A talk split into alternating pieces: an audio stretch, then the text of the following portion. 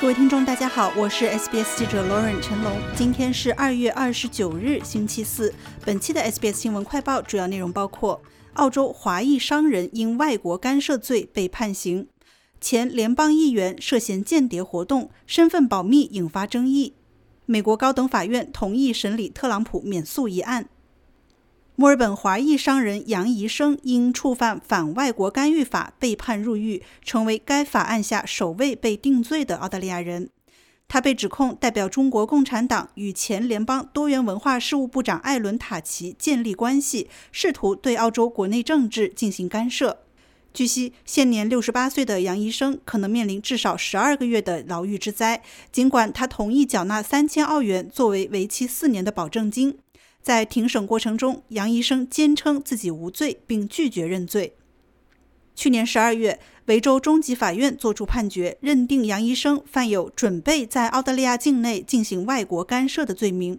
法院认为，他试图通过不正当手段影响塔奇，以推进中国共产党的目标。检控官指出，杨医生曾向皇家墨尔本医院捐赠了三万七千四百五十澳元，此举并非出于善意，而是看中塔奇的政治前途，并试图以此对其施加影响。此外，检控官还透露，杨医生与中国情报人员有频繁接触。今天宣判的法官理查德·梅德门特表示，杨医生利用自己在社区的良好声誉进行募捐，但背后的真正动机并不单纯。他同时指出，尽管此案当中没有直接证据表明杨医生与中国共产党有直接关系，但他的行为是在代表该党行事。值得注意的是，塔奇和另一名前议员罗伯特·克拉克在此案当中并没有受到任何指控或不当的影响，而杨医生的律师大卫·卡洛兰则表示，他的当事人已经退出了公共生活，并退出了相关政治和社区组织。在被捕之前，杨医生是澳大利亚华人社区的知名商界人士，曾担任大洋洲越检老华人团体联合会的负责人。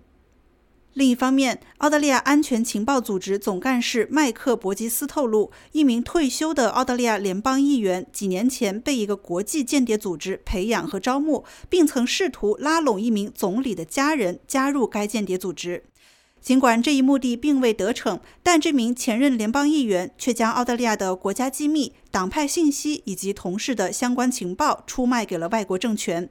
然而，伯吉斯并未公开这名前议员的具体身份。此消息公布后，在澳大利亚国内引起了强烈反响。一些公众和政界人士呼吁公开这名前议员的名字，以消除民众对所有前任议员忠诚度的疑虑。而另一些人则持谨慎态度，认为公开名字可能涉及法律和隐私问题。内政部长克莱尔·奥尼尔表示，这一事件似乎是教科书式的外国干涉案例，但他不愿就是否应该公开前议员姓名发表看法。影子内政部长詹姆斯·帕特森则表示，他很清楚伯吉斯指的这个人是谁，但不愿猜测，并强调每一个政客都是潜在的目标，需要保持警惕。国防部长理查德·马尔斯表示尊重澳大利亚安全情报组织的处理方式及公开事件但保持相关细节的保密性。他认为伯吉斯可能有充分的理由不透露这位退休议员的姓名。反对党领袖彼得·达顿认为，如果不公开名字，会让所有的前任议员声誉受损。在这种情况下，他在谈论某一位政界人士的时候，对所有的前政界人士进行诽谤，这是非常粗暴的。问题在于，如果他不公布此人的名字，那么其他所有人的声誉都会被蒙上一层阴影。国际方面，美国最高法院于当地时间星期三二月二十八日宣布，将于四月开庭审理前总统唐纳德·特朗普涉密谋干预二零二零年大选一案中是否享有刑事豁免权。特朗普曾因涉嫌推翻二零二零年总统大选结果，被联邦大陪审团刑事起诉四项罪行。哥伦比亚特区上诉法院二月初裁定，特朗普不享有豁免权，可被刑事起诉。特朗普随后将此案上诉到了美国最高法院。最高法院的这一决定意味着，特朗普面临的有关干预大选一案的审判将被进一步推迟。这也让特朗普在角逐2024年总统大选的同时，有了更多的时间应对刑事诉讼。